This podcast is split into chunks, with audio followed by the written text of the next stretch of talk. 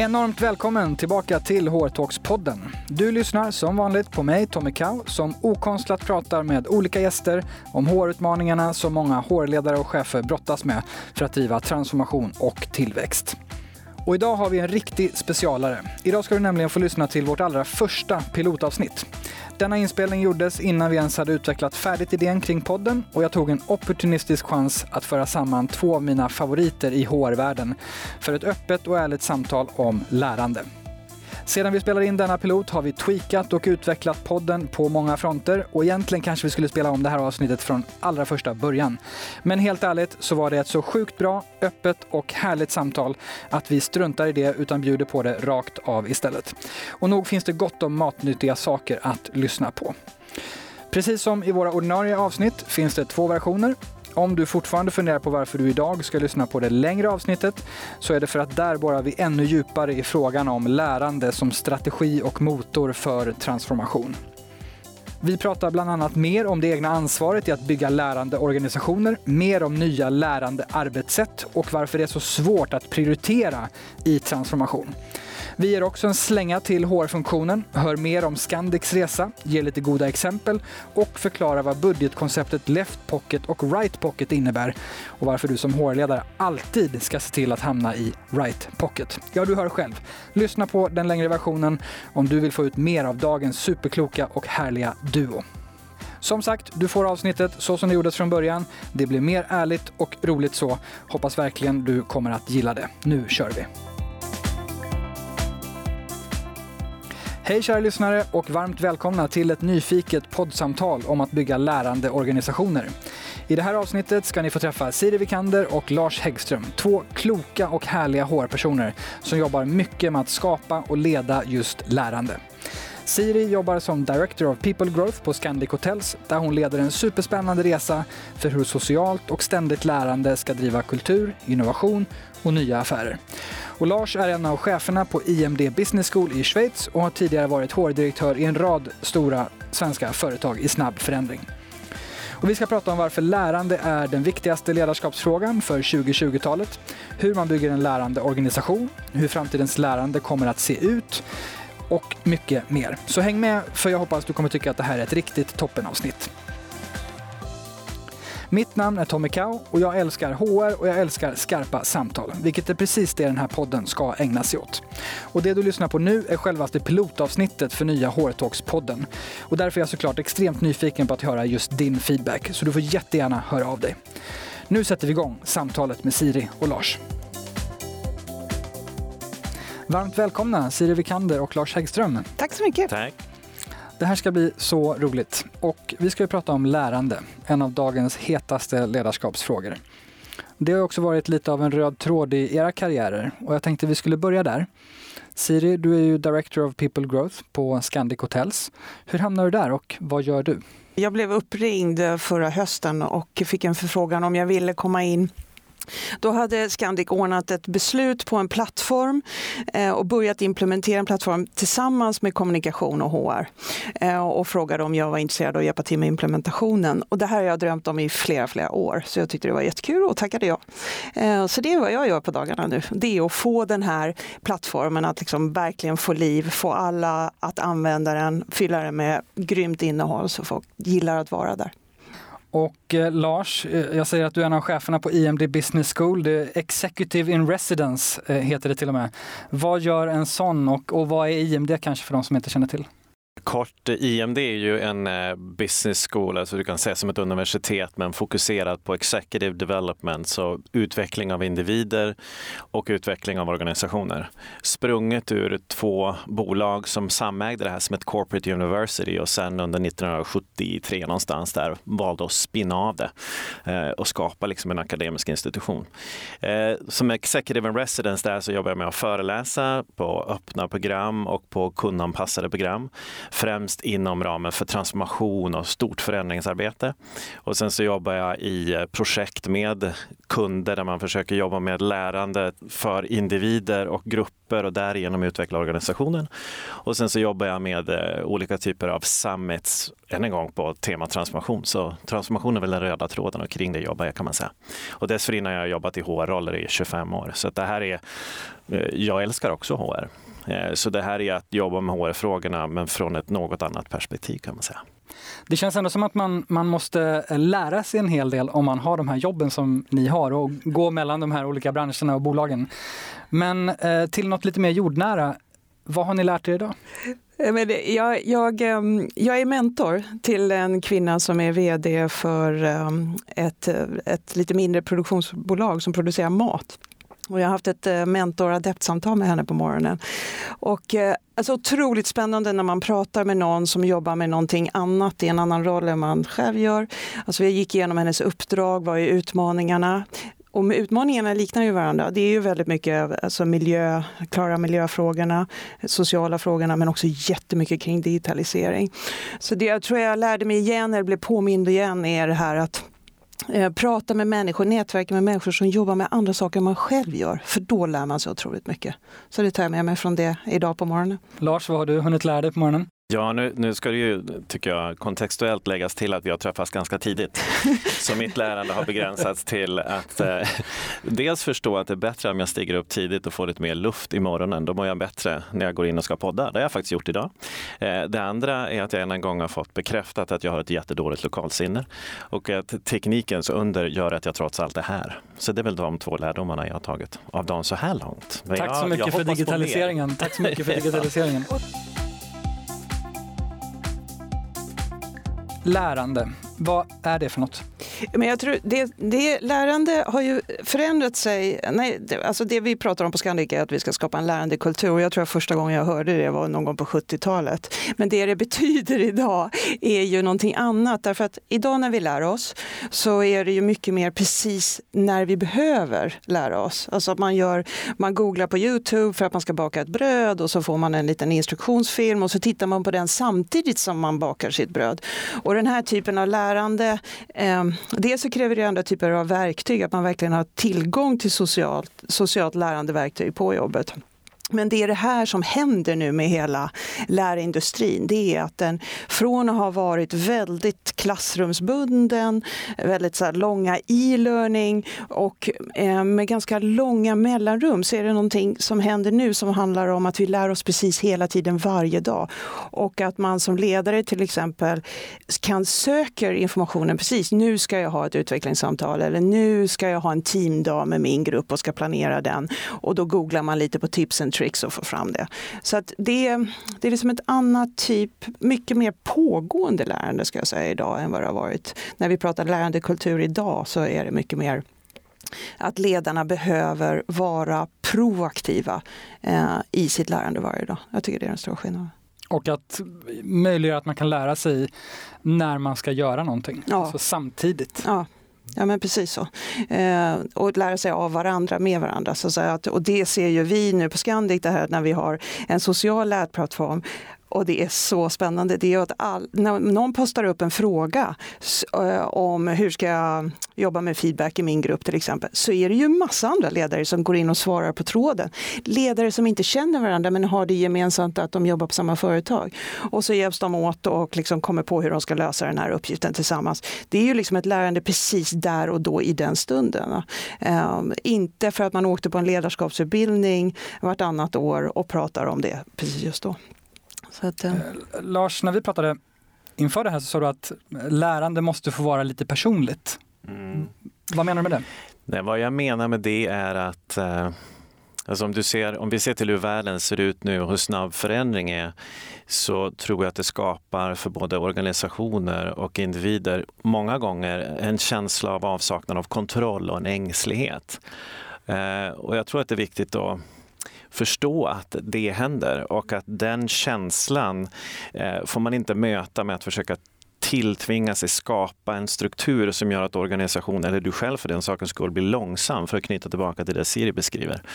Eh, och, och jag tror att det är någonting som är viktigt att bejaka. Ibland så kan det bli klämkäckt att säga liksom, titta på trenderna, hur snabbt allting rör sig och liksom disruption och ekosystem och det är så fräckt och det är så häftigt. Men det finns också någon, någon form av ängslan i det här. Det är liksom en, en reflektion jag har på det.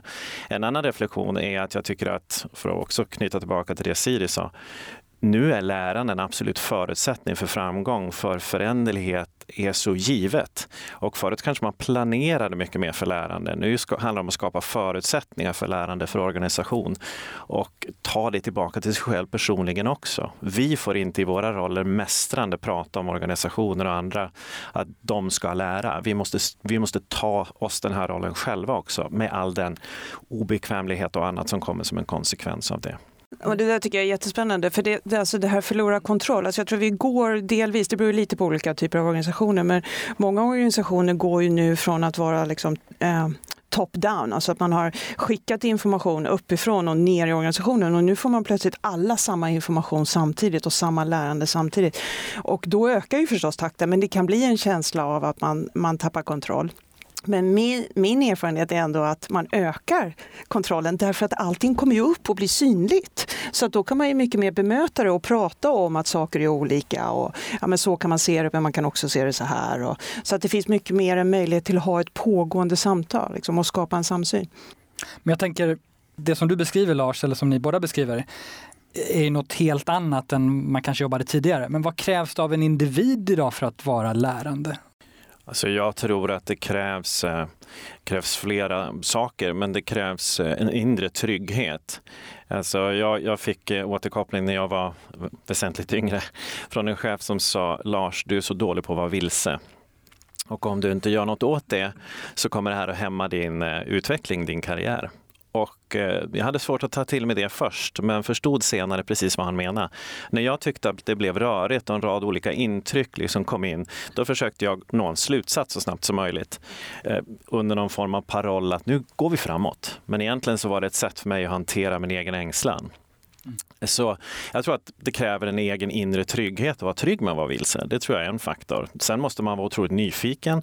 Sen så måste man ha en genuin tilltro till att lyfta in de här olika perspektiven är en förutsättning för lärande och lärande är en förutsättning för framgång. Och det där är ju kanske, det är lätt att säga, men, men börjar man praktisera och gör det lite grann över tid så förstår man att det är liksom den enda möjliga vägen framåt. Men är inte det här lite, om man får uttrycka sig, elefanten i rummet? Vi pratar mycket om lärande, ledarskap, vi ska förflytta organisationer, transformera. Men ju mer vi pratar om lärande, desto mer tycker jag att elefanten i rummet, det är jag själv. Mm.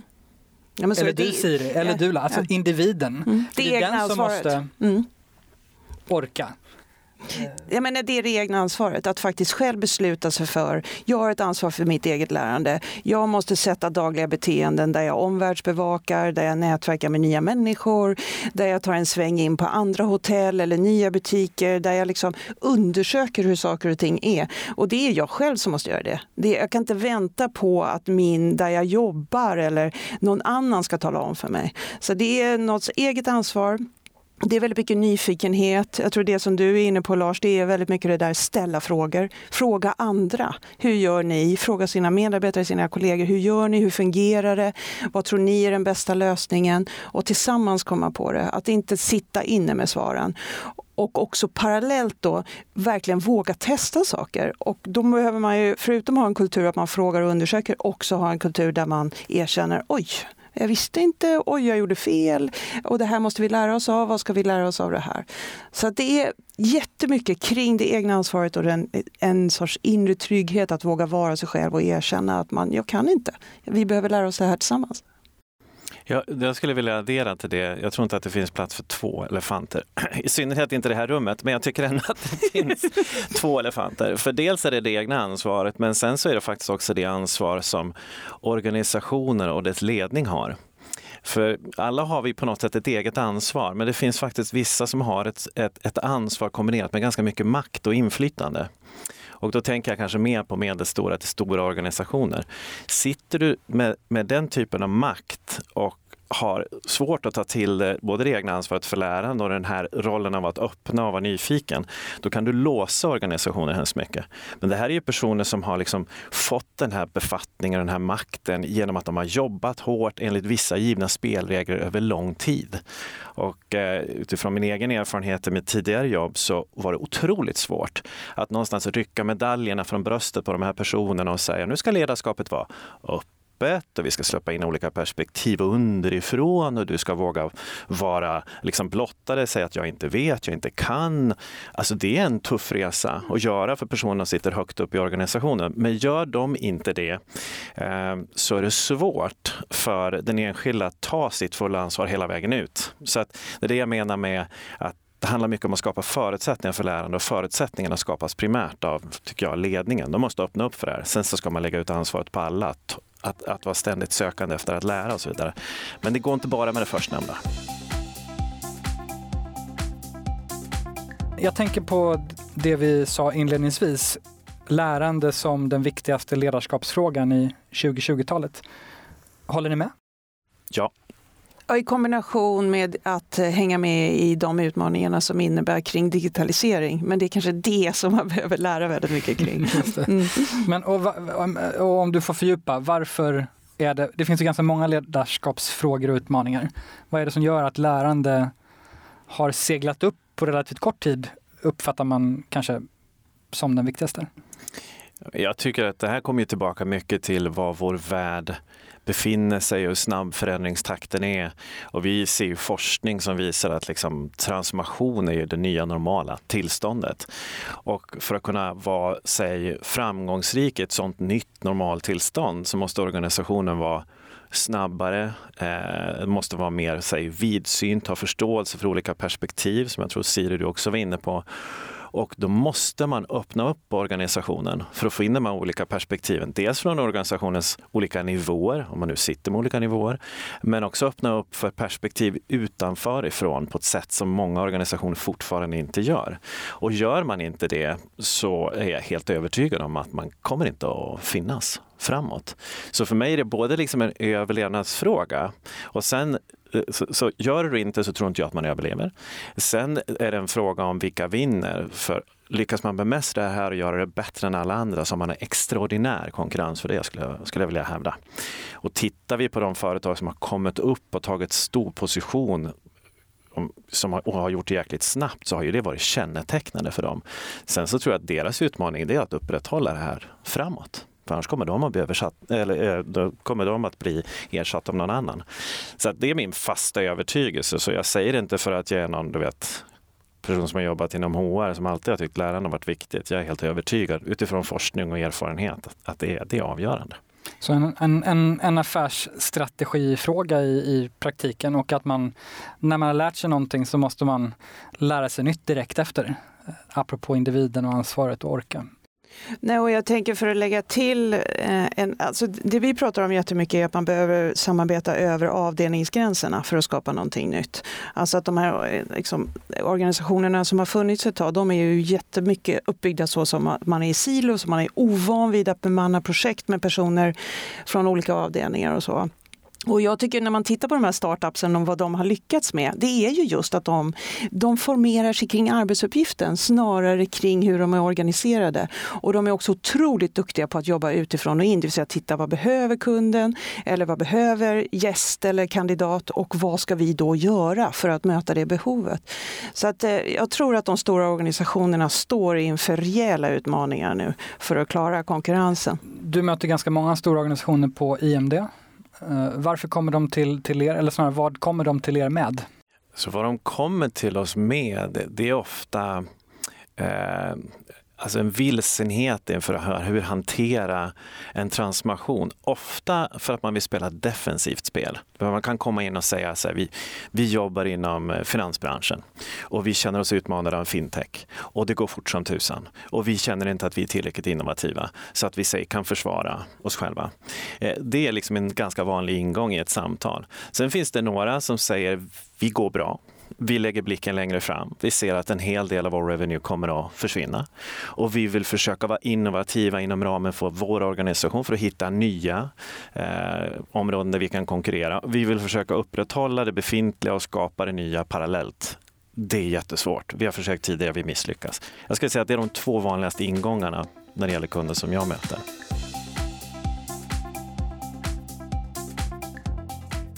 Jag hörde en siffra att 70 procent av digitala transformationsprojekt misslyckas. Och eh, där eh, den absolut största anledningen är att organisationen inte är redo. Kommer man med, med det scenariot, har man insett det?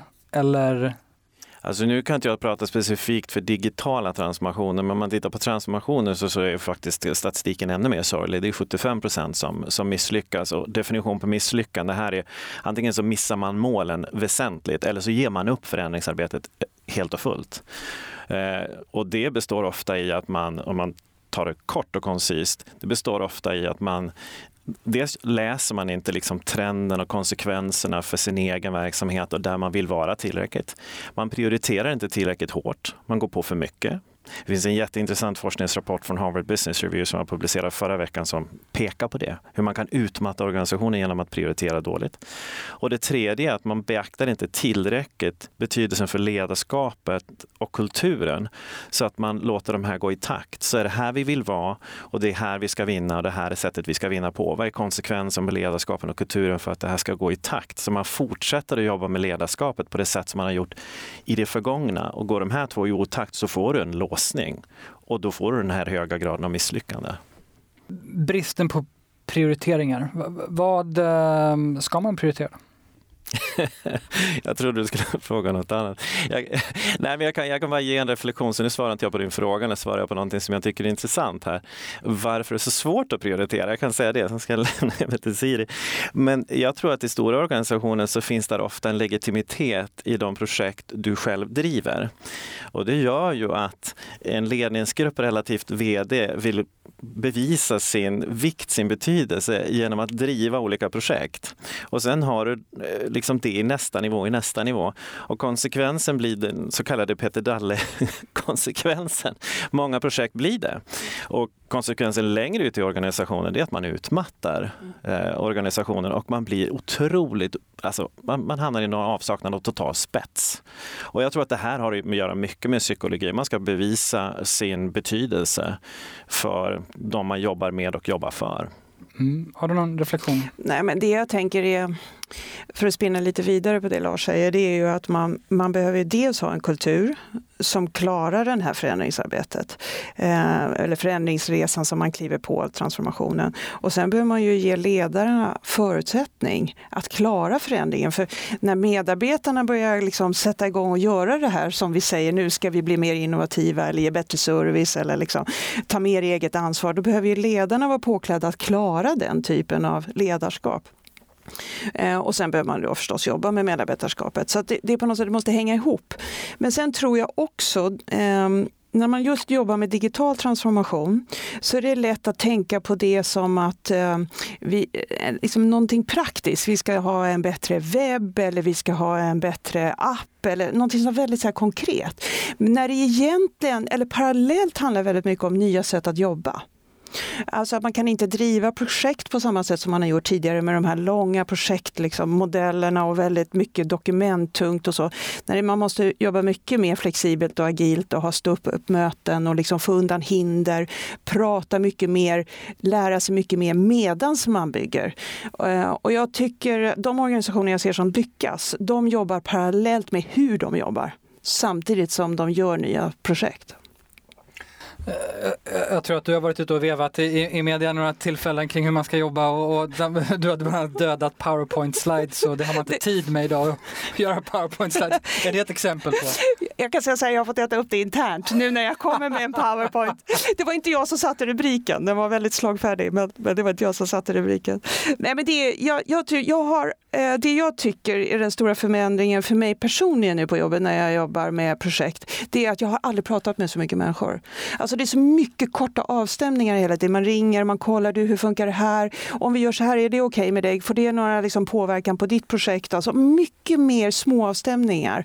Um, ehm, och att eh, mejlen blir mindre och mindre betydelsefull. Det är mycket mer sms eller liksom, eh, Slack eller motsvarande Teams. Eh, men också mycket mer telefon. För jag tycker telefonsamtal är ju någonting som försvann nästan under några år. Nu är det, för mig i alla fall, på väg upp igen. Att man verkligen, och då, är, då, är också, då blir det andra typer av telefonsamtal. De är inte, för, för jag tror vi undvek att ringa varandra där ett tag. Det var för att det kändes lite långt och omständigt och man behövde starta upp det och man behövde avsluta det. Men eftersom man hela tiden har pågående chattdiskussion med, med de man jobbar tillsammans med så blir ju telefonsamtal mycket mer direkt också. Med det som är lite för krångligt att förklara i en chatt.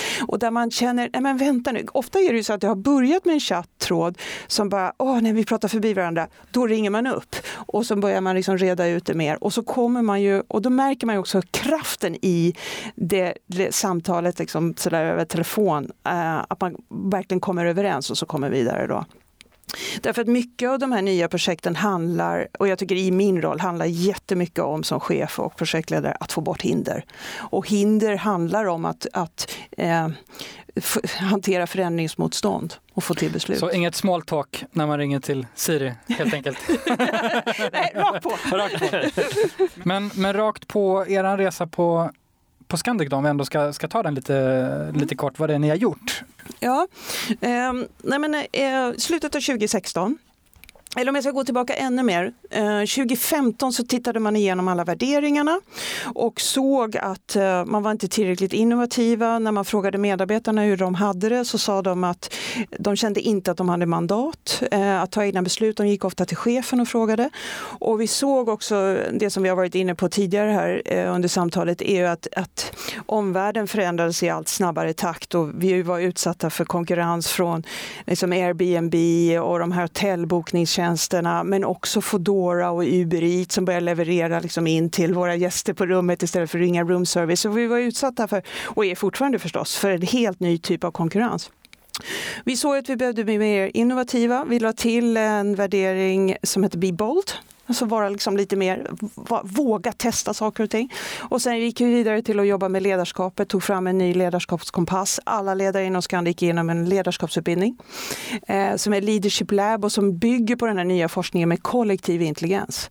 Uh, och där klädde vi på ledarna verkligen att klara den här förändringen. Och därefter så valde vi en social eh, lärplattform för att få alla medarbetarna på fötterna att dela eh, bra idéer med varandra varandra, smått och stort. Allt från eh, härliga servicehistorier som att man hjälpt en, en kund att byta vinterdäck eller tagit sina egna skosnören och gett till någon gäst. Liksom. Eh, från, men också till att verkligen ställa frågor och hjälpa varandra som jag var inne på förut i kommentarstrådar. Så att, och det som jag tycker var spännande här det är ju att man valde, när man valde lärplattform så valde man det utifrån visionen.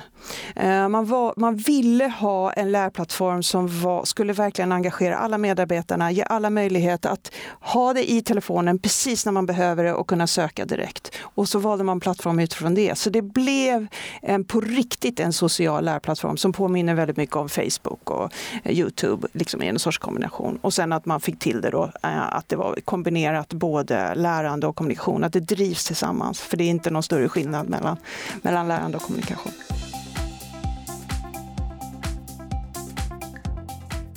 Vi eh, kan komma in lite på din resa som du gjorde innan du kom till, till IMD på, på Stora Enso. För där gjorde ni också ganska stora förändringar under ett antal år. Och, eh, berätta lite om den.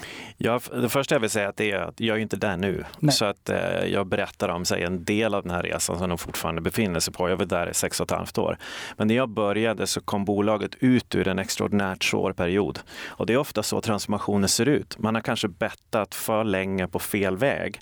Så att den första delen av transformationen handlar om att liksom go from red to black, alltså komma tillbaka till lönsamhet. Så att när jag började, då hade organisationen förenklat kommer tillbaka till lönsamhet. Problemet sedan när man satte en ny riktning, man ville jobba för att bli liksom ett renewable materials-företag, man ville jobba med liksom att ha alternativ till plast och alternativ till betong för byggnadslösningar och så vidare. Det var att organisationen var på så många sätt fel för att realisera det nya. Alltså man var en sån klassisk pyramidorganisation där man skulle producera så mycket som möjligt till bra kvalitet så billigt som möjligt. Och helt plötsligt så skulle man jobba mot nya, nya kundsegment. Att jobba kundnära skulle vara viktigt. Man skulle vara duktig på innovation. Man skulle jobba globalt.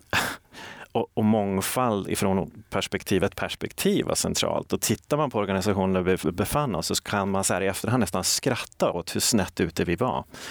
Så att den här resan som jag var med om handlade om att försöka ställa om organisationen. Skapa en nätverksorganisation parallellt med den här mer hierarkiska strukturen så att vi kunde jobba med befintliga produkter och försöka säkerställa lönsamhet där. Och samtidigt bli mycket bättre på att vara kundnära och innovativ i mer av en nätverksstruktur. Likt du var inne på Siri så formulerade vi ju ledarskapet. Vi hade applåderat ett visst ledarskap tidigare som vi nu helt plötsligt sa, nej, det är inte det vi ska ha, vi ska ha något helt nytt. Och så definierade vi det hemskt enkelt, men gjorde det också extremt konkret, både i form av att utveckla ledarna, men sen också utvärdera ledarna ganska hårt. Alltså så att det blev en så otroligt central del av, av strategin. Men det var också vissa som tyckte att den här övergången var ganska tuff. Eh, för det var inte, du vet, man kan höra det, det hörde jag så sent som den här veckan från någon kund som var på IMD. Nu ska vi praktisera ett, ett annat typ av ledarskap och du börjar nu vad är det för snömos? kommer ju aldrig att hända om man inte är mer tydlig med varför är det en sån central del i strategin. Varför är vadet och huret helt avhängigt varandra? Vad är det som gör att, att, att vi har liksom slagit fast att det är det här vi förväntar oss av chefer? Och hur skapar vi förutsättningar för dig som chef att ställa om och jobba på det här sättet? Och hur bejakar vi att det här kan vara tufft, ängsligt? Men sen över tid när vi har skapat förutsättningar för chefer, hur utvärderar vi också dig på det? Och faktiskt plocka bort chefer som vare sig vill eller kanske kan jobba på det här sättet. För gör vi inte det så skapar man inte förutsättningar för den övriga organisationen att finnas med och, och, och ge input och så vidare till det nya sättet att jobba på. Och det här är en otroligt ingenjörs tung organisation så vi mätte ju liksom allt. Och nu har ju förvandlingen kan man säga skett fast den är fortfarande pågående Men liksom aktiekurserna har dubblats. Eh, lönsamheten är sprungen ur de nya produkterna. Vi gjorde en net promoter score på varje chef som gick från minus 10 till plus 28. Så vi har ju liksom otroligt konkret idogt och jobbat med det här över lång tid. Vilket blir min sista passus på det här, för det tycker jag också är en intressant paradox. Man kan tycka att nu när saker och ting är så extremt föränderligt, finns det någon idé med att ha en strategi, att ha ett fokus och jobba med det över tid? Och min bestämda uppfattning är att jo, det gör det visst det. Men sättet att jobba med det måste förändras. Så att Ska man jobba med till exempel att förändra ledarskapet och kulturen, det gör det ta med tusen, inte på ett kvartal eller två. Det tar lång tid.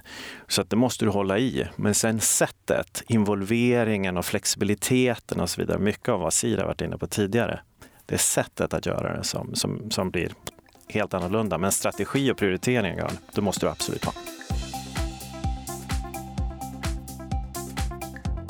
Hur håller man i det där tänker jag också? För att du var inne tidigare på de som har medaljerna på, på, på, på kavajslaget och så vidare. Och det du beskriver är egentligen eh, gå från en situation till något helt annat och det är liksom ledarna som måste ställa om. Hur håller man i det? För jag misstänker att alla hoppade inte högt och sa det här kör vi på. Alltså jag, en, en reflektion som, som jag alltid haft som någon form av ledstjärna, det är att eh, du måste vara beredd på att det blir oväsen i systemet. Alltså om man, om man förflyttar lärandet till att vara i, i absoluta centret för organisationens framgång och som en väsentlig del i strategin, ja, men då, då spelar du ju på mitten på mittfältet helt plötsligt. Det är frustrerande kanske att sitta på någon form av läktarplats, men man måste också förstå att när man kommer ner där och spelar på mitten på mittfältet, då kommer det vara mycket oljud, det kommer att vara mycket synpunkter och folk kommer att vara förbannade och så vidare. Så att du måste skapa en beredskap för det inom dig själv. Och sen så måste du förankra det hårt där uppe hos den som bestämmer. Hela vägen upp till styrelsen var jättecentralt i, i mitt fall, vårt fall. Och sen faktiskt ut i organisationen så att du får den här rörelsen så att det blir ostoppbart. Jag är till exempel tveksam till kaskadering som många pratar om ut med det till alla. så att folk vet att det här är prioritering, det här, det här är vad vi ska jobba med och så involvera med. För då får du en rörelse som du inte kan stoppa. Så bered dig på oljud, förankra uppåt, sprid det utåt och håll, håll i det över tid. Och då måste du mäta. För får du mätandet in där och folk ser att vi faktiskt rör oss framåt så kommer oljudet så sakteliga att tonas ner något och ersättas av mer liksom det här ljudet av fan vi rör oss häftigt. Liksom. Det händer grejer. Och pratar du om en rörelse där HR-chefen i praktiken eller HR-direktören eller vad man har för roll är den som behöver flytta sig från, från läktaren ut på mittfältet och, och, och att det kräver en helt annan Ja, jag, jag, menar, ja, jag är ganska kritisk faktiskt. Det kanske man inte ska vara i ett sånt här sammanhang, men jag kan vara ganska kritisk mot eh, HR-funktionen. Um, nu säger jag det här med reservation för att många säkert gör det jättebra. Men ibland så tycker jag att jag hör det här vi lyssnas inte på, vi, vi ses inte som så viktiga och så, så centrala som vi egentligen borde vara. Ja men vad sjutton, gå och ta den platsen då. Fundera på varför du inte är där. Vi pratar om eget ansvar för lärande. Här har HR ett extraordinärt stort ansvar. Och gå in och ta sig den här platsen i centrat av strategin, jobba ut i organisationen och bli den här centrala spelaren som jag vet att HR kan vara. För jag ser vissa HR-organisationer som tar den rollen och för att jag ser så många organisationer som misslyckas för att faktiskt HR inte tar den här rollen. Och man tittar inte tillräckligt mycket på huret där HR har en fantastisk expertis och den ska in. Kommer den inte in, då floppar vi. Siri, vad nu får jag massor med idéer. För nu, men jag tänker, bara för att koppla tillbaka till det som du sa lite tidigare Lars. Alltså det är otroligt, man måste ha respekt för hur ledaren har det där ute. De är otroligt operativa. Och för att de ska klara den här typen av förändringsresor så måste de få chans att reflektera. Eh, de måste förstås själva ta sig tid att reflektera men också få lämna det operativa och tänka tillsammans med andra ledare. Hur kan vi göra det här tillsammans? Så jag, jag tror eh, vikten av reflektion organisation och verkligen förstå hur tufft de har det med det operativa. Eh, sen tänker jag, eh, när vi, när vi startade upp den här sociala lärplattformen på Scandic så gjorde vi så att vi skapade funktionella communities kring eh, olika områden. Bland annat så finns det en community som heter Food and Beverage för alla som jobbar i restaurang på hotellen. Och där finns det en community owner och en community manager som sköter hela innehållet i den här communityn. Och eh, när vi startade upp den tillsammans med dem så satte vi affärsmålen. Vad ska den här communityn eh, bidra till? Vilka affärsmål ska den driva till? Hur ska den driva försäljning? Vad ska det vara kännedom om produkter och allt sånt där? Och satte KPIer. Och Sen jobbade vi jättenära med dem under de första tre månaderna och sen har vi uppföljningsmöten med dem en gång i månaden. Och plötsligt är vi en spelare när det gäller att bidra till affären. Så att, och, eh, så att HR har verkligen flyttat sig rakt ut i mitten av affären för att hjälpa till. Eh, så, eh, mm, jag tycker, så det på något sätt är det lite eh, hur man gör och vad man väljer att satsa på för, för typ av projekt som gör att man kan bli en spelare. Går det att säga någonting om det då? För att när ni eh, står här och pratar så, så låter det som, ja men bra, jag ta lite argument. Jag kan affären förhoppningsvis redan och så ut och springer på mittfältet och, och liksom rör runt mycket. Och, och, och, hur gör man eh, det konkret eller vad ska man göra? Men jag tror att man måste, för att alltså HR springer ur administration. Det är, där man, det är liksom där man kan, det är där man började, det är där man är van. Och om man ska lämna det eh, och börja liksom jobba mer strategiskt och ta ett helhetsgrepp, då behöver man, precis som jag sa för cheferna, HR behöver också ge sig iväg och, och liksom reflektera över hur kan vi bidra. Eh, och jag tror verkligen på att ta ett helgrepp både kring kulturen, ledarskapet och medarbetarskapet. Där får du genomslag. Om jag ska addera till det och knyta tillbaka till där vi började så för mig har det här handlat mycket om eget lärande. Alltså jag kan titta tillbaka på min egen karriär och lägga handen på hjärtat och säga att jag har gjort det här dåligt många gånger. Um, av olika skäl. Uh, jag tror inte att jag tidigare kanske har varit tillräckligt mycket inne i affären. Uh, jag tycker tidigare att jag har varit bra på att prioritera för mycket. Alltså jag har bidragit till det här problemet som jag tidigare beskrev. Ehm, jag tycker att jag har varit eh, i avsaknad av tålamod att hålla i. Ehm, så det finns en rad saker som jag tycker jag har gjort fel och när jag sen har liksom reflekterat över vad har det varit för effekt egentligen så tycker inte jag effekten har varit på den nivå jag vill att den ska vara. Och eh, då har jag liksom försökt definiera vissa saker för mig själv. Jag vill säga det här någonstans, för jag vill inte att det ska framstå som att man står här och mästrar, för det är otroligt svårt. Och jag tycker jag har gjort så otroligt mycket fel. Eh, men eh, vissa deviser har liksom kommit upp för mig så här på senare år. Till exempel att gör hellre dina stakeholders arga i början och skapa en form av tillfredsställelse senare. Med det vill jag ha sagt till exempel, det är de här tre prioriteringarna jag tycker vi ska köra på. Det kommer att ha störst påverkan på strategin. Ja, men vad fan, då väljer vi ju bort fyran, femman, sexan. Precis. Det är precis det vi gör för att få kraft i ettan, tvåan, trean. Och så man, möter man de här frustrerade människorna. Tidigare så tyckte jag att det där var skitjobbigt, men nu kan jag ta det. Och sen kommer man vidare till, okej, okay, vad driver man för projekt inom ramen för det då? Då måste man vara taktisk och driva vissa saker som man ser kan ha en snabb effekt, som har lite synlighet, skapa lite energi i organisationen. Var lite smart. Och sen den tredje, övervinn din egen liksom längtan efter variation. Ibland är det vissa saker som man bara måste hålla i över tid. Eh, där man kan säga, du vet, man ska coacha ledningsgruppen och förstå att vi kanske skulle kalla den årliga konferensen för samma sak som förra året, bara för att visa att vi håller i. Jag menar, det där skulle jag kunna sagt till mig själv hur mycket som helst tidigare, för jag var lika rastlös som alla andra där uppe. Så att, eh, jag tycker mycket kommer tillbaka till att jag har gjort saker fel, vilket har lett mig till att reflektera och göra saker bättre. Vilket också knyter an till det du sa om reflektion. Nu har vi kommit till bekännelsedelen ja. av den här podden. Ja. Man kan säga att, eh, om jag ska säga det som jag gör fel tror jag varje dag, det är att jag är för snabb. Och det, det, är en sån där sak som är både bra och dålig. Alltså det är bra att jag är för snabb. Eh, alltså på det sättet att jag driver förändring och jag ber mer, hellre om liksom förlåtelse och ursäkt eh, än liksom sitter och väntar och får ingenting gjort. Men nackdelen är ju förstås att ibland går det för fort. Alltså att jag behöver backa tillbaka, ställa mycket mer frågor, liksom hänga mycket mer kvar. Vad är, vad är det som... För det är det här som organisationen säger om och om igen. Det är det man måste höra. Inte som är den individuella invändningen och rädslan mot en förändring, det, det är som, det, den finns, man måste respektera den. Men den ska inte stoppa projektet. Men det är det här som alla säger, eller den stora massan säger. Det är det som jag om och om igen liksom verkligen så här, pratar både med mitt team och min chef om. Liksom hur, vad är det som är? Ja men nu, det är det här. Okej, okay, hur gör vi med det då? Mm.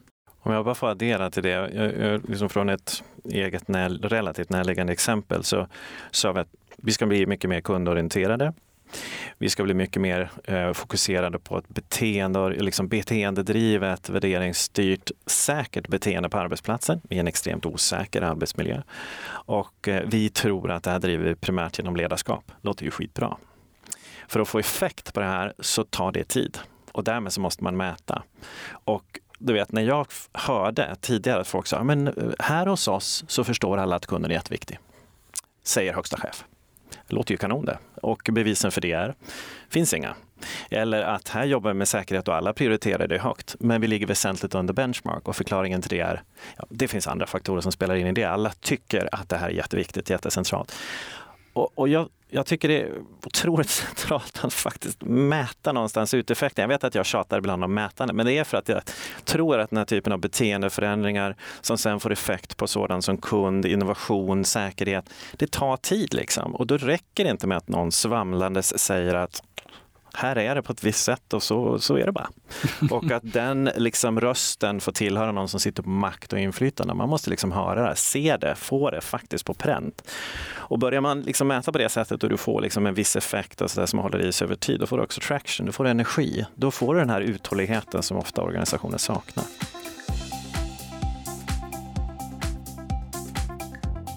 Du har ju eh, pratat en del om eh, left pocket och right pocket. Alltså vänster ficka och höger ficka. Mm, mm. För de som inte har uh, bekantat sig med, med en av de lärdomarna ja. vad är det? Ja, vänster, alltså vänster ficka, det är enligt min eh, Bonninga definition, det är liksom den budget som finns avdelad för HR och HRs olika delar. Den högra fickan, det är VD och eller koncernledningsficka. Och eh, min ambition har alltid varit att försöka komma över i höger ficka. För rent logiskt är lärande en central del i strategin och i en transformation av ett bolag och dess framgång. Då ska pengarna, resurserna, investeringarna komma från höger ficka. Och rent illustrativt, eh, när vi började investera hårt i det här på Stora Enso och så kom det budgetneddragningar på 10-15 procent så gick vi upp 6-7 procent år efter år i investeringarna i ledarskapet för att effekterna började komma. Men det var inte för att jag behövde försvara min ficka. Det var ju vds ficka. Så det blev så enkelt. Så att där, det är därifrån det kommer. Och när man säger jo är lärande HR sitter mitt i strategin, då ber jag er att utmana er själva till att se till okej, okay, Var ligger budgeten någonstans? Hur utsätts vi när det gäller budgetnedskärningar? Vilken fight tar vi för att försvara? För att vi vet att vi faktiskt skapar effekt och vi kan bevisa det. Så det handlar om att liksom säga, ska lärande vara i center av strategin, då ska också resurserna komma från höger ficka. Ett tips? Ett tips försök ta sig dit så, och försök att hålla upp någon form av spegel när ni säger att jo, men vi är en jättecentral del av det här bolaget och bolagets strategi. Okej, okay, vad är bevisen för det då? Och det yttersta tycker jag är var resurserna kommer ifrån. Om man skiftar fokus till andra organisationer, vilka tycker ni är duktiga på det här med lärande?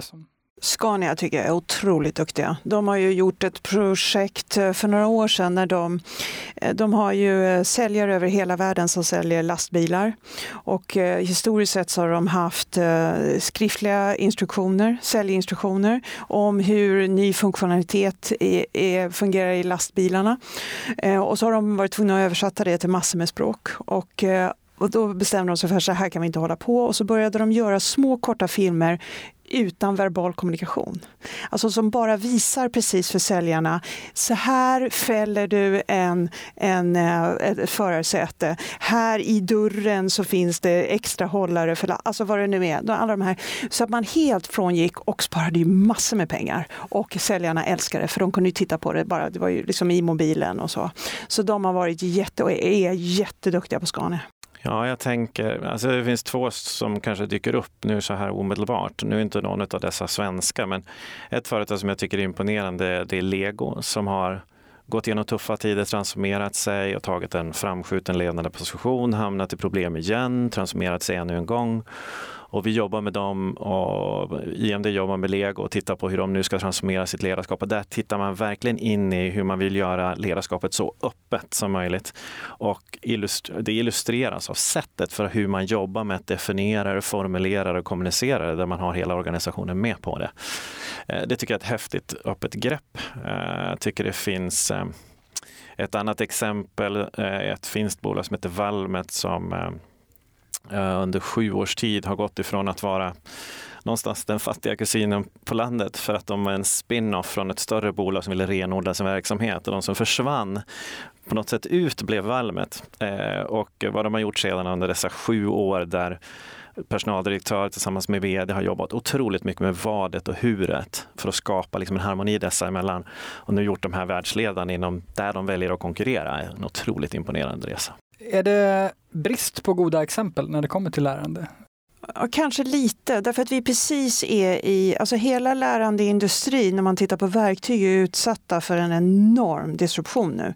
Så att det är de här verktygen som man historiskt sett har investerat väldigt mycket i, i organisationerna. De levererar inte på social funktionalitet i mobiler och med kommentarsfält och liksom det här att det verkligen på riktigt är socialt. Eh, så på det sättet så måste man ju titta på helt andra typer av leverantörer och är man stora företag då sitter man ju ofta fast i liksom, eh, ett affärssystem och det här ska vi ha. Och sådär. Så att jag, det, det, det svåra just nu tycker jag, det är många som kommer och liksom frågar hur gjorde ni, hur fick ni till beslutet och sådär. Eh, jag tycker det är precis beslutet som är det svåra, att våga gå med en helt ny typ av plattform och lämna en gammal som man har investerat massor med kunnande i. Så det tycker jag är, de som kommer också tycker jag, och frågar om hur gjorde ni, de, frågar, de, de börjar ju ofta i verktyget. Det är liksom där man, man har, det, det är dags att förnya licens eller en avtal och man känner att det här känns inte riktigt rätt. Så man börjar ta avstamp i verktyget. Och, och jag ställer alltid en motfråga, vad är visionen, vad vill ni med organisationen? Och för det är ofta så sitter man, man kan ha ett socialt verktyg på kommunikationsavdelningen. Ska man inte hänga på det då? Eh, istället för att köpa ett nytt lärandeverktyg. Och då får man ju plötsligt en intern partner och blir dubbelt så många som kan jobba med frågan. Och då är ju ofta motargumentet, men då kan vi inte mäta. Ja, men vi kanske ska mäta på ett annat sätt. För i de här sociala plattformarna Eh, så, så, finns det ju ofta, precis som på Facebook alla de här, då finns det ju sätt att mäta. Men inte på exakt samma sätt som förut. Men man kan mäta engagemang, man kan mäta hur långt man har nått ut, hur många som såg det. Men inte kanske exakt på individnivå. Men det kanske inte är det som är grejen. För det, nu tror jag vi mycket mer måste tänka tvärtom. Det vill säga det vi, alltså vi måste ha tillräckligt intressant innehåll för att deltagarna ska komma. Vi kan inte längre säga att du måste göra det här. Utan vi måste liksom sälja innehållet och nå ut. Och då är det här att följa datan och se hur, hur långt man har nått, det blir ju liksom ett sätt att lära sig vilket innehåll ska vi ha. Så att allting är liksom vänt tillbaka. Hur um, kommer vi lära oss i framtiden då? Ni är ju ganska långt framme på Scandic. Men nu har vi precis sagt att ja, när man precis har lärt sig någonting då är det dags att lära nytt. Och ni på IMD har ju en, hela er affär bygger på, på lärande på olika sätt. Om vi spolar fram några år, vad ser ni? Alltså någonstans så, så tror jag att vi kommer att se ett lärande som är det här liksom, det med att man har lärt nytt och då ska man lära igen. Alltså jag tror att de organisationer och individer som får in det så tydligt i sitt DNA att man ser inte när man lär och inte... Alltså förstår du, det är, bara, det, det är liksom bara en del i organisationens och individens varande. Så är jag övertygad om att det kommer att se ut för de som lyckas. Och så är jag övertygad om att det kommer att se ut för de människor som kommer att ständigt växa och vara mindre stressade. Det blir som ständigt. Jag tror, eh, eh, liksom, vi möter det med kunder också. Nu har vi precis gått igenom en transformation. Ska vi verkligen behöva gå in i en ny? Och, alltså, släpp det där liksom det här är det nya konstanta och lyckas man få till det så är det ju otroligt kul. Jag menar, jag har aldrig trivts i en roll där jag inte känner att jag växer. Jag har aldrig liksom trivts i, i mitt liv när jag inte känner att jag växer. Och jag tror någonstans liksom världen tillhör de som känner så. Det där lät ju hemskt men i någon mån så tror jag att det måste vara så. Om organisationen inte känner så, så är man rökta. De var riktigt krass där. Och det får vi lov att vara här. Det får vi lov att vara här, vad skönt.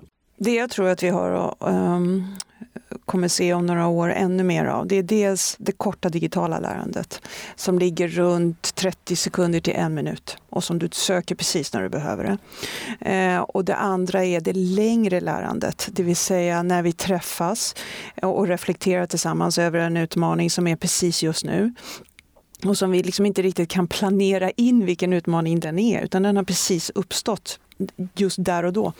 Eh, så, att, så både det korta och det längre. Och jag tror också att när vi då träffas för den här längre reflektionen, då tror jag inte vi kommer träffas på en HR-konferens och en marknadskonferens och en kommunikationskonferens och en IT-konferens. Utan äntligen, och det här har jag efterlyst i flera år, så kommer vi se konferenser som, där man för samman, så att det också når ut där, att man kör marknad och HR-konferenser tillsammans, IT och kommunikationskonferenser. Alltså man verkligen träffas även utanför bolagen, cross functions. Jag säger eh, tack så mycket, Siri och eh, Lars. Tack själv. Tack för att du bjöd in oss. Detta var alltså pilotavsnittet för nya Hårtalks-podden. Hoppas verkligen du gillade avsnittet. Och du får mer än gärna skicka dina tankar, kommentarer och feedback på vad vi kan göra ännu bättre. Vad skulle göra att det här blev en podd som du lyssnade på igen och igen? Tack för att du lyssnade. Hårtalks-podden ges ut av Cow Company och produceras av Mediemera och du hittar mer information på hrtalkspodden.se.